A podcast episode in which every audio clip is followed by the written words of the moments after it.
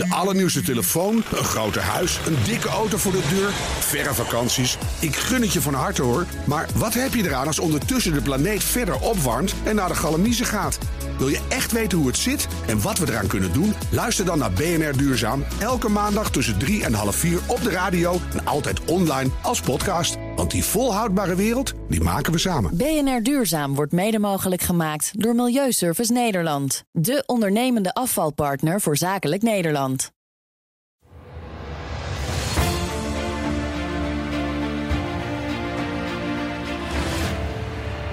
Het gaat niet over een plant of over een binnentuin. Het gaat denk ik over een strijd om macht. Dit is Project Binnenhof, de politieke podcast van BNR Nieuwsradio. Wat gebeurt er in de wandelgangen als niemand kijkt? Met Laurens Boven en Sophie van Leeuwen. Welkom bij onze podcast Project Binnenhof. En deze week hebben we het over de rel in de wandelgangen van ons parlement. Het oudste parlement ter wereld, nog in gebruik. Het moet op de schop. En hoe levensgevaarlijk is het hier? Twee gasten en experts van die soap rond de verbouwing van dit middeleeuwse pand. Jan Middendorp van de VVD, welkom. Goedemorgen. Sandra Bekkerman van de SP. Goedemorgen. Ook welkom. Jullie waren deze week bij een debat over de soap in de Tweede Kamer. Naast mij Laurens Boven van BNR. Fijn dat je er weer bent, Laurens. Dankjewel. En er was ook een ander drama deze week. Ongeveer 500 kilometer ten zuiden van ons.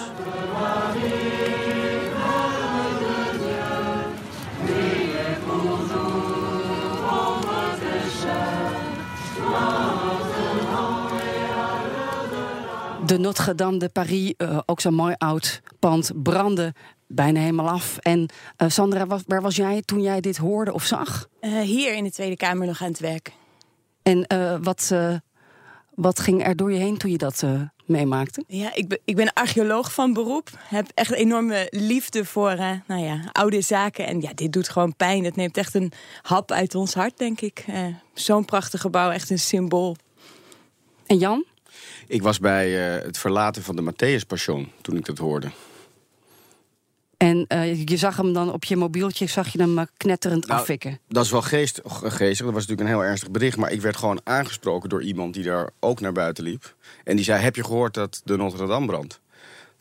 Toen dacht ik: hmm. Maar ik, was dus, ik werd gewoon aangesproken door iemand. En, die zei hoe erg het was. En dacht je toen: Is de ridderzaal het volgende slachtoffer van het vuur? Nou, ik dacht in eerste instantie, uh, misschien uh, is hij zo onder de indruk van de Matthäus persoon dat hij een beetje uh, de weg kwijt is. Um, maar um, nee, ik dacht natuurlijk wel meteen aan, aan, dat, aan, aan, aan dat gebouw, wat natuurlijk schitterend is in die stad.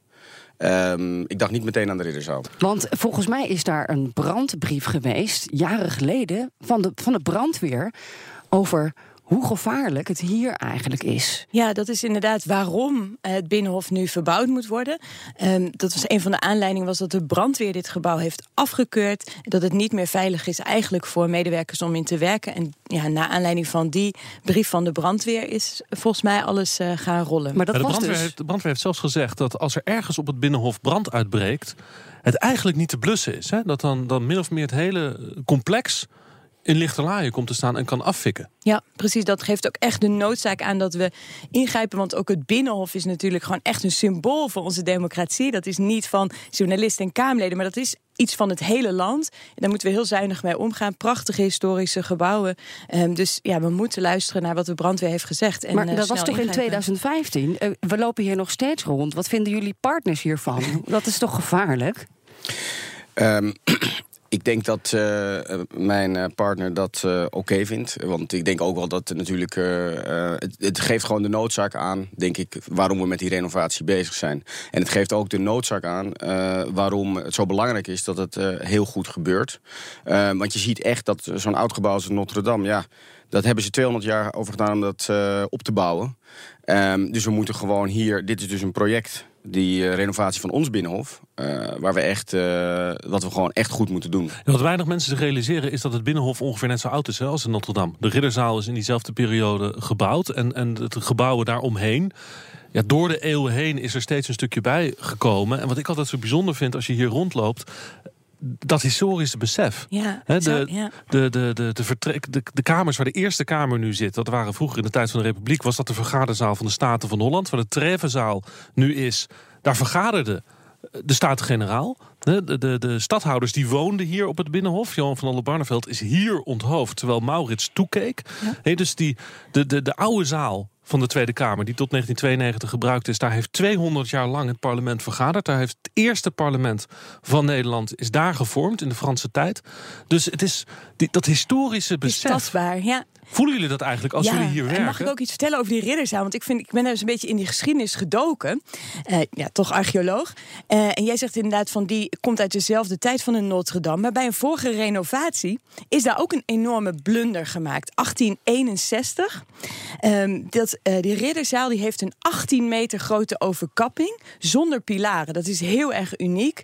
Ehm, en die was al in de middeleeuwen gebouwd. Maar in 1861 was er een bouwmeester. En die dacht dat, eh, dat die kap niet origineel was. Die heeft hem helemaal gesloopt, vervangen door staal.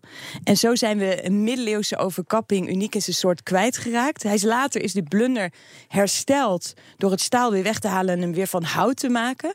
Eh, maar dat middeleeuwse overkapping, die unieke overkapping, zijn we kwijt. En dat eh, is misschien des te meer reden dat we het nu wel goed moeten doen. en Daarom zijn jullie ja. zo bezorgd, zo boos of gefrustreerd, zei jij denk ik in het debat, over die architectenrel die nu plaatsvindt. Eh, Eventjes naar eh Rimmel Knops, dat is de staatssecretaris verantwoordelijk, ook voor Binnenlandse Zaken. Eh, die spraken we ook even over hoe erg dit nou eigenlijk is. Een van de redenen waarom eh, de renovatie van de Tweede Kamer eh, eh, snel van start moet gaan, is dat er geconstateerd is, en dat is een onderzoek wat afgelopen jaar is uitgevoerd, dat de kabels en leidingen en installaties sterk verouderd zijn met bijbehorende risico's. Daar hebben we natuurlijk wel een aantal maatregelen voor genomen tijdelijk om dat op te vangen, zodat de veiligheid niet het geding is, maar daar zul je iets aan moeten doen.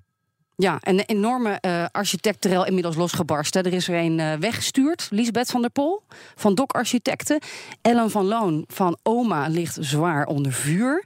En eh, Sandra, jij zit in de bouwbegeleidingscommissie. Eh, dat is allemaal stiekem top secret. Mag jij hier eigenlijk vandaag over praten? Ik mag helemaal niks zeggen over ehm, wat wij in de bouwbegeleiding eh, bespreken. En dat is denk ik ook wel waar een grote frustratie vandaan komt.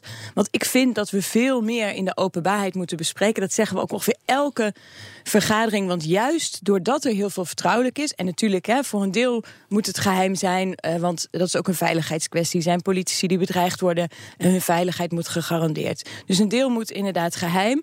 Maar nu is alles vertrouwelijk. En daarmee geven we heel veel macht als Tweede Kamer eh, uit handen. Ja, want om die situatie even te schetsen. Er zijn in allerlei verschillende samenstellingen verschillende groepjes van Kamerleden aan het vergaderen over die eh, verbouwing van de Binnenhof. Het, het, het gebouw van de Tweede Kamer is niet van de Tweede Kamer. Dat is van de Rijksgebouwendienst. Hè. Dat is een onderdeel van het eh, ministerie van Binnenlandse Zaken. Dus die, die, die, dat is eigenlijk de, de opdrachtgever van de verbouwing. Die is verantwoordelijk voor dat het niet afvikt terwijl ze aan het verbouwen zijn, zullen we maar zeggen. Eh, maar in de Tweede Kamer zijn er dus, heb je het presidium, dat is het dagelijks bestuur van de Tweede Kamer onder leiding van Khadija Ariep. Die vergaderen geheim. Die maken wel besluiten bekend, maar daar kan je geen wijsheid worden, want dat, de, de- je weet niet wat de onderliggende documenten zijn.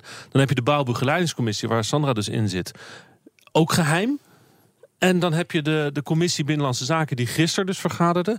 Nou, daar zit Sandra en ook Jan eh, van de VVD zitten daar allebei in. Die kunnen in het openbaar spreken. Maar daar kan de staatssecretaris weer heel weinig in het openbaar zeggen. Want die is weer allerlei ge- geheimhoudingsverplichtingen heeft ook hij weer. Dus het is een ongelooflijk eh, ondoorzichtig proces. Ja, en dan, ik het Zullen we, er, zullen even wat structuur in aanbrengen? Want er worden Nou. inderdaad heel veel dingen die door elkaar lopen. En dat, eh, het, het aardige is, je stelde net de vraag... wat is het voor jou persoonlijk, hè, het Binnenhof? En ik ben op vierjarige leeftijd hier geweest in de Tweede Kamer... eh, met mijn moeder, die werkte toen hier in de Tweede Kamer. En ik ben dus opgevoed met... de oude zaal was dat nog. oude zaal. Ehm, ik ben dus opgevoed met... en hier is het hart van de democratie... hier zit de controlerende macht. Nou, stap naar jouw vraag. Ehm, kijk, de Kamer controleert het kabinet. Dus als je even de kluwen die je net beschreef eh, ontwart, dan is het, zo heb ik er ook altijd in gezeten. Ik zit dus niet in die eh, commissie waar Sandra wel in zit. Ik zit daar gewoon in de bankjes en ik kijk naar wat de staatssecretaris ons stuurt over het project. En eigenlijk weet ik dan niet eens van presidium en andere gebruikers. Want vergeet niet, Het is niet alleen de Tweede Kamer, maar ook AZ en ehm, de Eerste Zaken, Kamer. Ja, Rutte. Algemene Zaken. En de Eerste Kamer. Er zijn, er zijn vier gebruikers eigenlijk. Dus ik kijk daar gewoon ook echt naar vanuit de controlerende macht. En, en dan kom je op het, eh, op het openheid. Dit moeten we gewoon doen. Met maximale openheid. Waarom? Omdat ehm, wij liggen onder de vergrootglas van de samenleving. Dus mensen willen gewoon kunnen volgen hoe gaat het project en hoe wordt het gecontroleerd. Maximale openheid. Ik, ik denk wel, eh, dat moet je niet door de war halen met eh, eh, inderdaad beveiliging en, en veiligheid. Het is niet voor niks, denk ik, in 2016 wel een, ehm, een nationaal veiligheidsproject verklaard. Ehm, maar je moet het doen met maximale openheid, zei ik. En dan geldt gewoon hetzelfde wat altijd geldt in de Kamer. Als de Kamer een vraag stelt om een budget of om een lijst wat extra kosten zouden kunnen zijn, dan moet eh, Ja, het kabinet gewoon een brief sturen en dan gaan wij er naar kijken. Maar tegelijkertijd, ehm, je zegt openheid. En ik zie ook in de kranten allerlei Kamerleden die anoniem, in het kader van de openheid, anoniem kritiek geven op de plannen. En, en architecten afbranden. Architecten die gewoon, dat zijn professionals, die komen hun werk doen, die komen met de beste ideeën, proberen ze hier iets te creëren in dit, in dit gebouw. En die worden bij de voeten toe afgebrand en uitgekotst alsof het, alsof het, alsof het Kamerleden zijn die onderling met elkaar bekvechten. Dat is toch ook niet zo netjes dan? Eh, dat zie ik zelfs ook wel eens in de controlerende commissie gebeuren. Maar was jij Ehm, een van die anonieme Kamerleden die in de pers eh, kritiek gaf op de, op de architecten? Nee. Ehm, nee. En ik denk, eh, ik denk dus, kijk, dat is gewoon hetzelfde als altijd hier in, het, in het Haagse. Ehm, natuurlijk, als controlerend Kamerlid, als ik iets in de krant lees, dan kan ik aan de staatssecretaris vragen: staatssecretaris, wat gebeurt er? Eh, ik heb ook heel veel schriftelijke vragen gesteld. Ehm, dus ik reageer op krantartikelen. Maar het debat en het controleren van het project van de staatssecretaris, dat moet gewoon gebeuren in die commissie. Maar het is niet fraai wat er gebeurt. Sandra, eh, heb, Nee. heb jij anoniem je kritiek gespuit? Nee, en ik vind ook dat je heel erg gelijk hebt. Het is absoluut niet vrij wat er gebeurt. We zijn, en ik denk dat dat, eh, Jan zei net, we liggen onder het vergrootglas van eh, de samenleving. Maar als je daar nou eens echt goed over nadenkt, eh, dat betekent dat mensen al denken: oh, daar gaan we weer. Er is een half miljard voor een verbouwing. En dat wordt vast en zeker duurder. Er zit vast en zeker vertraging in. En ondertussen gaan ze rollenbollend over straat. En dat moet gewoon echt ophouden. En laten we nou nog één stap terug doen. Want jij zei terecht, van het gebouw is niet van de Kamer, het is van de, eh, het Rijksvastgoedbedrijf. En dan moet je dus constateren dat het Rijksvastgoedbedrijf het zover heeft laten komen, zoveel achterstallig onderhoud heeft eh, laten ontstaan, dat het onveilig is. Doordat er jarenlang niet voldoende onderhoud is, zitten we in een gevaarlijk gebouw afgekeurd door de brandweer. En dat Rijksvastgoedbedrijf krijgt juist door al dat gedoe, die hele soap, wat mij betreft veel te veel macht, veel te veel zeggenschap. Zij maken allerlei keuzes. En dat is ook omdat jullie de hele tijd zelf zeggen: het Ja. wordt allemaal sober. De sober klinkt dan ook een beetje als eh, half werk. En doelmatig, Trek er, dan en gewoon, trek er dan gewoon voldoende geld eh, voor uit.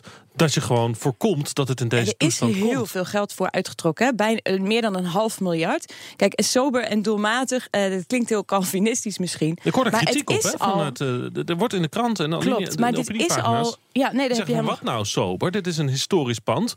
Doe het goed. En dat moet natuurlijk ook. Eh, maar wat met sober en doelmatig bedoeld wordt, is geen nieuw gebouw, geen paleis, geen gewoon, eh, extra, eh, geen megalomaan project. Gewoon zorgen dat die monumenten die al prachtig zijn, dat die weer jaren mee kunnen. Maar wat is er nou mis met, met een tropische binnentuin? Het lijkt mij persoonlijk heerlijk. Zo'n eh, paar planten Ja, ik en denk frisse lucht in dit gebouw waar je bijna niet kunt ademhalen. Ik denk dat dat echt een symbool is geworden. Hè? Dus dat het een symbool staat voor een groot probleem. Namelijk dat er blijkbaar plannen worden gemaakt die wij niet kennen. Of waar, die we deels kennen, waar we in ieder geval niet over mogen spreken. En dat dat een hele andere kant op dreigt te gaan dan wat we met de hele Kamer hebben afgesproken. Namelijk sober en doelmatig gewoon zorgen dat het weer goede Maar gebouwen zijn. waarom, maar waarom, Jan? Ehm, als jullie in de kranten als Kamerlid lezen tropische binnentuin, ontstaat er zo'n zo'n zo'n schandaal. In plaats van dat er feitelijk wordt gevraagd van... hé, hey, wat betekent dit eigenlijk? Ja. Want we weten nu dat die tropische binnentuin... dat is helemaal niet zo'n heel raar idee. Er is hier een tuin, dat is een buitentuin... waar nu niemand gebruik van kan maken... want die is helemaal omringd door muur. Het idee is om die te betrekken bij het gebouw. Ja. Hè, er wordt helemaal niks nieuws gemaakt. Het Finan- Financiën Maar heeft trouwens een ook best een schandaal. mooie tuin, hè? Het ministerie van Ja, Financiën. precies. Ja. Eh, Van heerlijke plek om, eh om Dus wat, te wat werken. gebeurt er in het hoofd van Kamerleden als, eh, als je dat in de krant leest en dan, dat jullie dan besluiten: hier gaan we schande van spreken? Ja, uh, voordat ik dat deed had ik eigenlijk uh, gevraagd om twee keer per jaar een rapportage te krijgen. En bij projecten van een half miljard heb je in je ene hand heb je de, de planning en in je andere hand heb je het budget. Tenminste, ik heb in een vorig leven wel eens aan dat soort projecten gewerkt. Zo ging dat. Politiek Den Haag werkt iets anders, dankzij jullie. Want jullie uh, focussen dan op een tropische binnentuin. En terecht gaan dan uh, Kamerleden die artikelen lezen. En als ze niks krijgen van de hmm. staatssecretaris, dan gaan ze natuurlijk daarmee aan de slag. Het is heel bijzonder om te zien, hè, ook eigenlijk, dat um, gisteren in het debat. Uh, hebben we eigenlijk niet over de Notre Dame gesproken. Dat zou ook zomaar hebben gekund. Dus ik denk dat bij zo'n groot project, wat zo belangrijk is. Uh, je mag hier geld aan uitgeven, dat doen we ook, half miljard. Je moet niet de hele boel overhoop halen, dat hebben we met elkaar afgesproken. Sober en doelmatig. En dat mm. doelmatige, dat valt door soms de politiek een eh, beetje weg. Er ontstaat dus een schandaal omdat je mm. eigenlijk geen informatie hebt. Ik, ik denk dat dus gewoon de normale lijn tussen uh, kabinet en Kamer... die is heel belangrijk, vooral in dit project. Omdat er inderdaad nog een heleboel omheen zit... wat echt een enorm veel ruis kan gewoon niet over, Het gaat niet over een plant of over een binnentuin. Het gaat denk ik over een strijd om macht. En over invloed en over zeggenschap. Het gaat om gemeenschapsgeld, dat is geld van iedereen. En wij kunnen nu als controlerende macht, als Kamerleden niet controleren of dat goed wordt uitgegeven. En zo kan inderdaad zo'n binnentuin uh, is eigenlijk maar een symbool voor ja, grote frustratie. Het Rijksvastgoedbedrijf uh, lijkt een andere kant op te gaan dan wij willen. En wij krijgen de vinger er niet achter. En dat moet echt stoppen, die frustratie. Dus ja, nu openbaarheid en de minister of staatssecretaris moet uh, snel met informatie naar de Kamer. Maar Sandra, jij speelt dus eigenlijk een dubbelrol. Want je hebt dus informatie die geheim is, die mag je hier nu niet met ons delen. Maar dat gaat over behang, begrijp ik ook, of de kleur van de stoelen. En andere uh, commissie waar je dan gaat schieten op wat geheim is. Um, Hoe ga je daar dan mee om? Ik zit inderdaad in die uh, bouwbegeleidingscommissie. Um, en dat is een commissie van uh, gebruikers van het gebouw. En dat is op zich heel verstandig. Want de Kamerleden die komen en gaan. Maar bijvoorbeeld mensen van de catering, mensen van de ondersteuning... en mensen van de politie, die werken hier misschien wel hun hele leven lang. Er en die geen moeten... journalisten in die commissie trouwens? Nee, uh, hebben wel gezeten, geloof ik. Hè? Maar goed, die krijgen wel een stem. er wel bij, ja. die wil wel. um, maar dat, uh, die commissie is er eigenlijk om te kijken van wat zijn nou de wensen uh, van de gebruikers. Dus die commissie gaat niet over geld. Die commissie gaat niet over wat we gaan doen. die kijken eigenlijk alleen mee. En dus je weet niet hoe duur het behang is? Nee, nee, ik weet niet hoe duur het behang is of welke vloerbedekking. en, maar je bepaalt wel welk behang er komt? Nee, dat, nee. die bouwbegeleidingscommissie heeft geen, geen zeggenschap. Ehm, we mogen natuurlijk niet heel veel zeggen omdat heel veel vertrouwelijk is. Maar wij denken mee uh, en geven adviezen aan het presidium. En dat is het bestuur van de Tweede Kamer. Maar heb jij nou schetsen gezien en, en bouwtekeningen? En plannen? Uh, voor een groot deel mogen we helemaal niks zeggen over wat we uh, gezien hebben. Uh, dus daar kan ik ook niet heel veel over zeggen. Ja. Ik zou het graag willen, maar nee, het is allemaal vertrouwelijk eh, verklaard. Dus zelfs dat, maar je mag zelfs niet zeggen of je ze hebt gezien. Nee, dat klopt. Of dat je ongerust ja. bent over. Ja, en de vraag is ook hoe lang. misschien wel of niet hebt gezien. Ja, en dat is ook wel de vraag hoe lang we hier nog mee door willen gaan. Want wij zijn daar ingestapt en ook al gezegd van ja, dit is niet een systeem wat werkt voor ons. Dan probeer het van binnenuit te veranderen, te vragen om meer een stukken. En je moet ook eens kijken, wij zijn natuurlijk niet het enige parlement in de wereld dat gerenoveerd wordt. Hè. Bijvoorbeeld in Wenen wordt op dit moment ook hun uh, parlement gerenoveerd. Alles in de openbaarheid, alles. Echt alles. Ja. Knop zei ook nog iets over. Eén ding nog, Sophie. Uh, je hebt eigenlijk wel gelijk van wat, uh, wat je net aan Sandra vroeg. Dat is heel schizofreen. Ja. Jij, jij, jij bent dus in een debat. Zit je, jij weet meer. Mm -hmm dan, dan je collega's ook trouwens. Maar je mag er niet naar over praten. En het presidium weet nog veel meer. Um, en ja, die zitten natuurlijk ook in die situatie. En ik denk dat dat nu uh, ja, tot een climax gaat komen. Want dit is niet een situatie waar mensen in willen zitten, omdat het niet in ons voordeel werkt. Jouw collega Ronald van ja. Raak zit in het presidium. Ja, maar jullie mogen met elkaar niet praten over wat er in het presidium en in de bouwbegeleidingscommissie gebeurt. Nee, en zo... jullie zijn wel allebei gefrustreerd. Ja, en bijvoorbeeld de commissie wordt voorgezeten door een fractiegenoot van Jan. En die mogen inderdaad ook niet uh, met elkaar communiceren over, uh, nou in ieder geval niet over vertrouwelijke stukken. Ja, bizar. Knop zei dit over de tuin en de transparantie, de staatssecretaris. Nee, Knops, dit is hem dus, hè? Hier achter deze ruit. Het is nu een buitentuin. Ja. Dat, dat, dat tuintje moest dus de tropische binnentuin worden. Ja, dat was een van de voorstellen die, uh, die langs is. Was het niet heel erg leuk geweest om dit er gewoon bij te betrekken? Want het is nu loze ruimte, hier kan je naar kijken... maar daar kan je verder niks mee doen. Als je dat onderdeel maakt van het gebouw, dan is toch leuk? Nou, ik zie één probleem. Dat zijn de bijen van Dion Graus. Die staan hier nog. Dus ik weet niet als je die in de binnenruimte erbij trekt... wat er dan uh, gaat gebeuren. Maar ja, kijk, ik vind dat op zichzelf niet zo... Uh, ik vind dat niet de vraag die ik zou moeten beantwoorden. Dat vind ik echt iets tussen architect en gebruikers. Als je nou gewoon die plannen publiceert... als we nou gewoon schetsen, maquettes, ideeën zien... dan kunnen we erover praten en dan krijg je niet die rare ruis. We zijn gebonden aan een regime. En een regime is in 2016 afgesproken... namelijk dat er geheimhouding ligt op die... Uh, en wat ik vandaag heb toegezegd is om nog eens te kijken... of dat besluit van drie jaar geleden... of dat nog of dat proportioneel is, hè, of dat niet zeg maar, onevenredig zwaar is. Omdat de, de wens om er wel over te kunnen spreken aanwezig is. En ik begrijp dat. Nou, hij wil dus ook uh, openbaarheid, uh, Jan en Sandra. Ja, kijk, uh, ik denk, dat probeerde ik aan het begin ook te zeggen. we moeten dit doen met maximale openheid. Maar ik denk dat iedereen wel onderkent dat uh, alle bouwtekeningen op straat... en uh, dat iedereen in de toekomst op internet eens even rustig kan gaan kijken... hoe dat verder moet als je iets kwaads in de zin hebt. Dat moeten we gewoon voorkomen. Dus nee, het is okay. logisch dat je een heleboel ook ja, onder dat geheimhouding brengt. Nee, okay, dat, dat... En hij gaat er naar kijken. Maar ik denk dat wat belangrijk is, dat we ook... Um, dus uh, ik denk dat er meer openheid moet komen. Ik denk vooral dat de Kamer gewoon meer informatie als controlerend orgaan moet krijgen. Ja, maar wat ik mis in dit debat, en dat heeft ook met die geheimhouding te maken, is een visie en ja. is een verhaal. En is een betrokkenheid bij de historie. We hadden het er net al over de historie van dit gebouw. Het gaat nu, in dat debat gisteren, ging het over allemaal dingetjes hier, over de nieuwbouw, hè, over de, dit deel van de Tweede Kamer. Ik vind het zelf eigenlijk het minst interessante deel van de Tweede Kamer. Echt, hè? Ja. Maar je hoort ja. geen verhaal over uh, de plek die het Binnenhof heeft, hoort te hebben in Den Haag. Ja, wat willen we de, zijn, land, wat willen we uitstralen? En hoeveel mensen kunnen ook... Dat, dat zou een van, de, is een van de interessantste debatten natuurlijk. Hoe maar kunnen dat, we zorgen dat veel meer mensen het Binnenhof bezoeken? Um, hoe, dat het wordt vaak ja. gezegd, jullie zijn, zijn ervaren Kamerleden... het wordt vaak gezegd over de Nederlandse politiek... dat er geen visie in zit. En dit is nou een project waar je eigenlijk dat wel ja. omheen zou kunnen... Uh, fabriceren, maar uh, het, het, is er niet. Waarom het is, dan niet? Het is echt geruzie op de nou, vierkante kilometer ja, maar jij zit daartussen, dus je kan het ook veranderen. Ja, je we, kan hebben, we proberen dat ook sterk. En mijn collega Ronald van Rijken werd net ook al even aangehaald. Die zei van we moeten bijvoorbeeld als we dat Binnenhof gaan verbouwen... ook eens kijken of we bijvoorbeeld op kunnen gaven... die resten van, je noemde hem net, Oldenbarneveld... die mogelijkerwijs onder de Eerste Kamer ligt. Ook omdat we dingen toe kunnen voegen aan onze geschiedenis... door goed archeologisch onderzoek te doen, historisch onderzoek te doen... en te laten zien dat de democratie altijd in beweging is... dat we zwarte bladzijden hebben, want die hebben we hier zeker.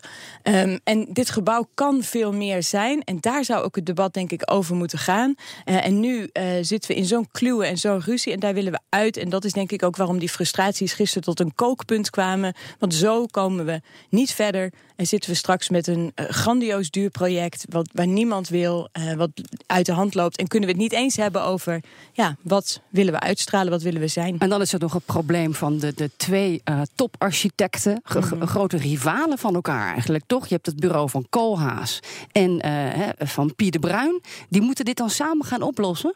Dat klinkt als een Titanic. Ja, dat klinkt uh, als een. Uh, dat zou een recept voor ellende kunnen zijn. Uh, dus dat voorstel, daar hebben wij ook van gezegd. Ja, wij willen echt overtuigd worden dat dit gaat werken. Uh, dat hebben we heel duidelijk aangegeven. Want uh, twee kapiteins op één schip, dat soort dingen zijn allemaal langsgekomen.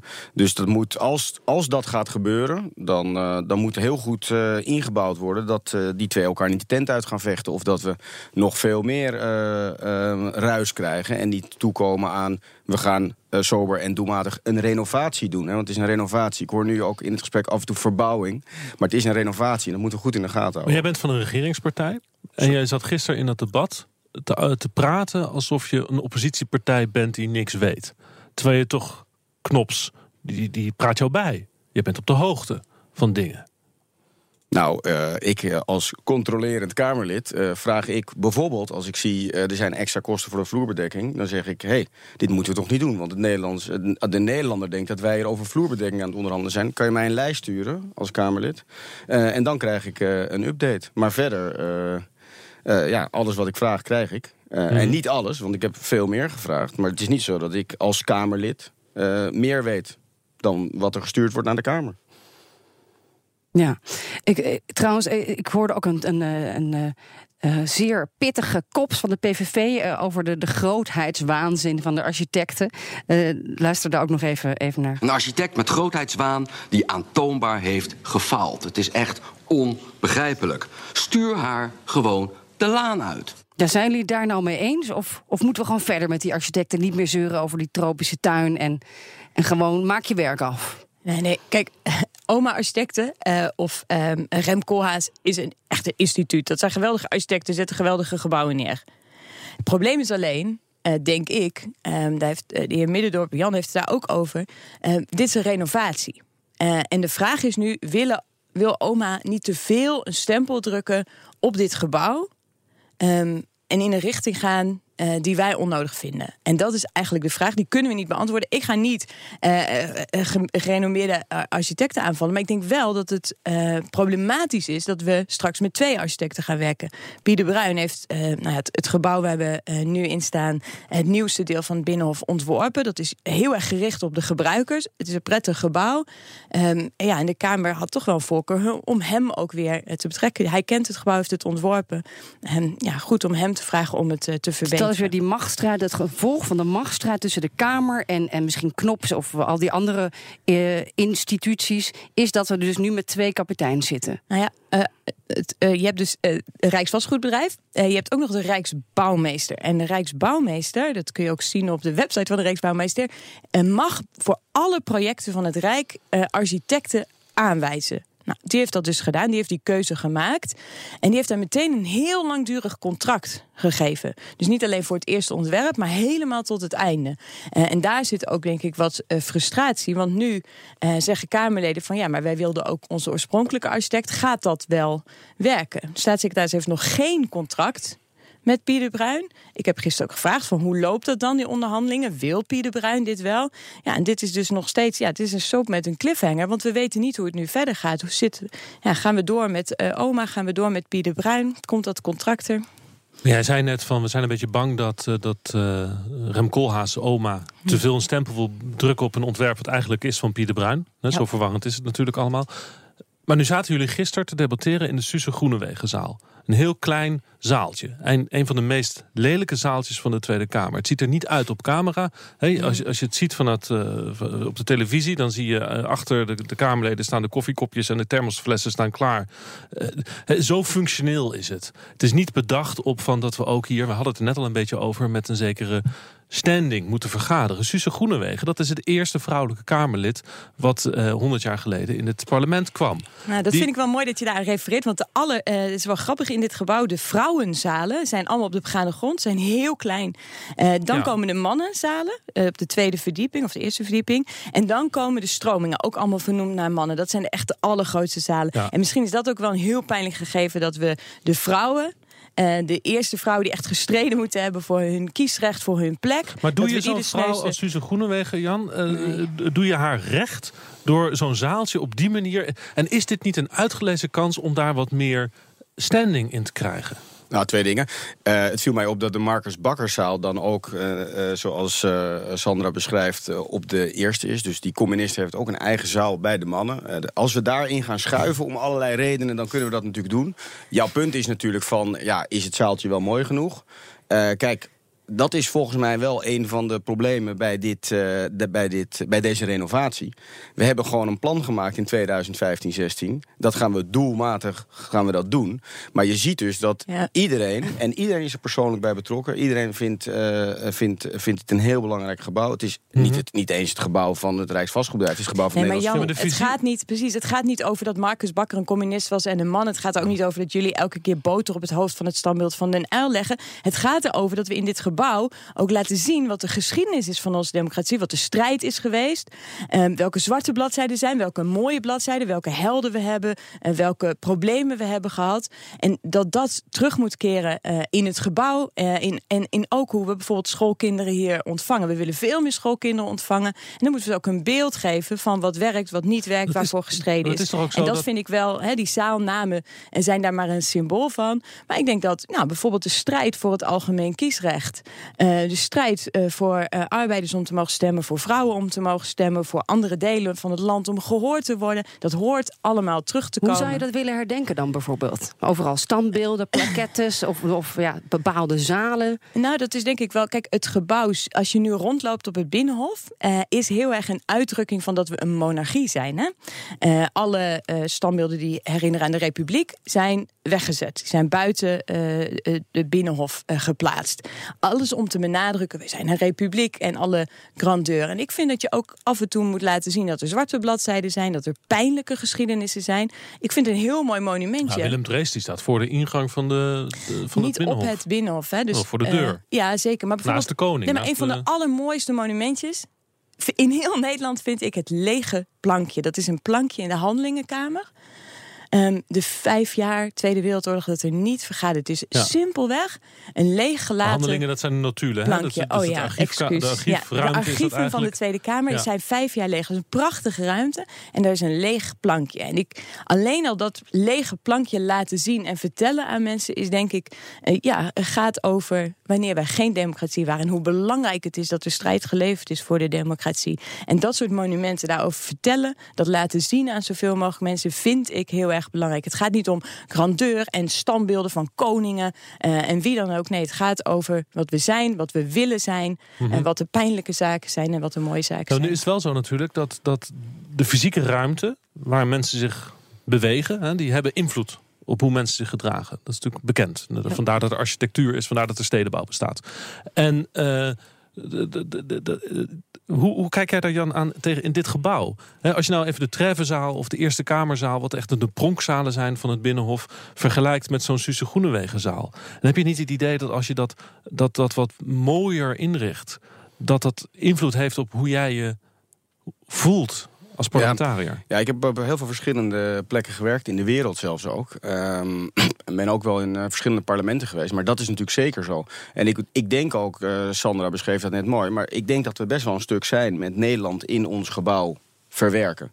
Um, ik, als je, kijk, we, ik, ik zei al, we moeten hier gewoon uh, aandacht voor hebben. Hier mogen we geld aan uitgeven. Uh, dit is heel belangrijk voor onze democratie. Maar stel je even voor dat wij uh, Franse stijl hier een, een meer grandeur uh, in, uh, op de gang uh, de, de, de piramide op het Binnenhof. Ja, dan, dan kan ik zo de citaten die gisteren voorbij kwamen... kan ik gaan, um, gaan terughoren. Ben je bang voor de populisten? Um, nou, ik ben... Ik, ik, dat, dat, um, dat niet, want uh, ik vind zelf eigenlijk ook dat het als uh, iemand het voorstel doet om uh, gouden deurklinken die mm. zo open zwaaien als ik binnenkom als parlementariër. Voor mij hoeft dat niet. Ik denk ook niet dat het bij Nederlands past. Dus ik denk dan gaan we ook weer terug dat we willen voorkomen dat we gerenommeerde toparchitecten aan het werk zetten om een renovatie te doen. Volgens mij het hele verhaal wat wij hier vertellen over hoe belangrijk dit is voor de democratie, dat staat eigenlijk buiten de renovatie van het Binnenhof. Dat is super belangrijk en daar moeten we elke dag mee bezig zijn. Maar om heel kort te zeggen. Ik vind dat dit gebouw best een eind komt. Uh, en ik, ik voel me er ook prettig, moet ik eerlijk zeggen. Um, en ik vind ook dat, uh, ja, Sandra gaf een paar voorbeelden... maar een hele leuke is dat de Den Uilzaal, die uh, Sandra net noemde... die is midden in de VVD-vleugel.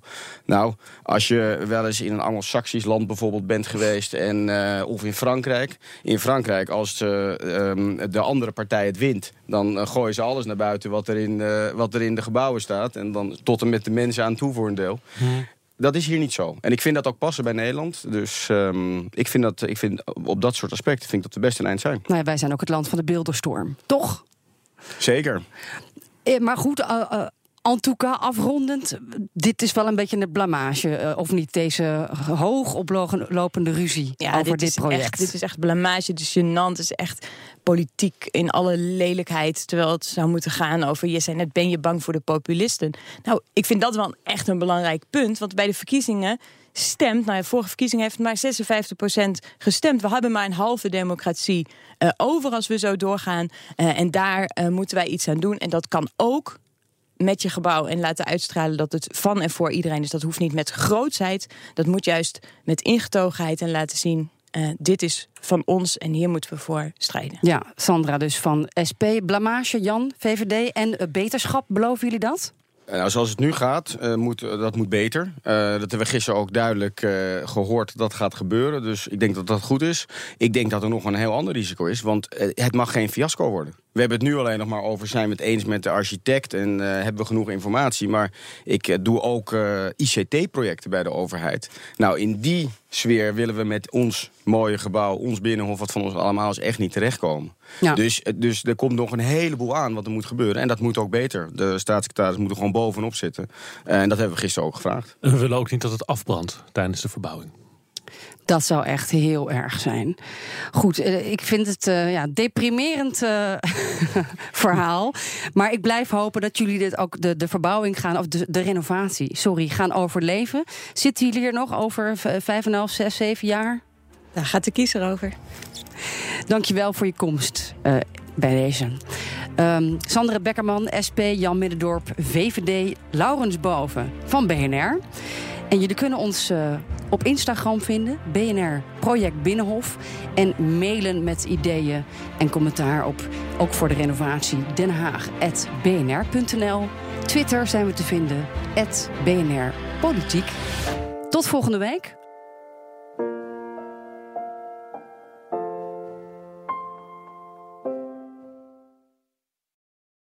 Allernieuwste telefoon, een grote huis, een dikke auto voor de deur, verre vakanties. Ik gun het je van harte hoor. Maar wat heb je eraan als ondertussen de planeet verder opwarmt en naar de galamiezen gaat? Wil je echt weten hoe het zit en wat we eraan kunnen doen? Luister dan naar BNR Duurzaam. Elke maandag tussen 3 en half 4 op de radio en altijd online als podcast. Want die volhoudbare wereld, die maken we samen. BNR Duurzaam wordt mede mogelijk gemaakt door Milieuservice Nederland. De ondernemende afvalpartner voor zakelijk Nederland.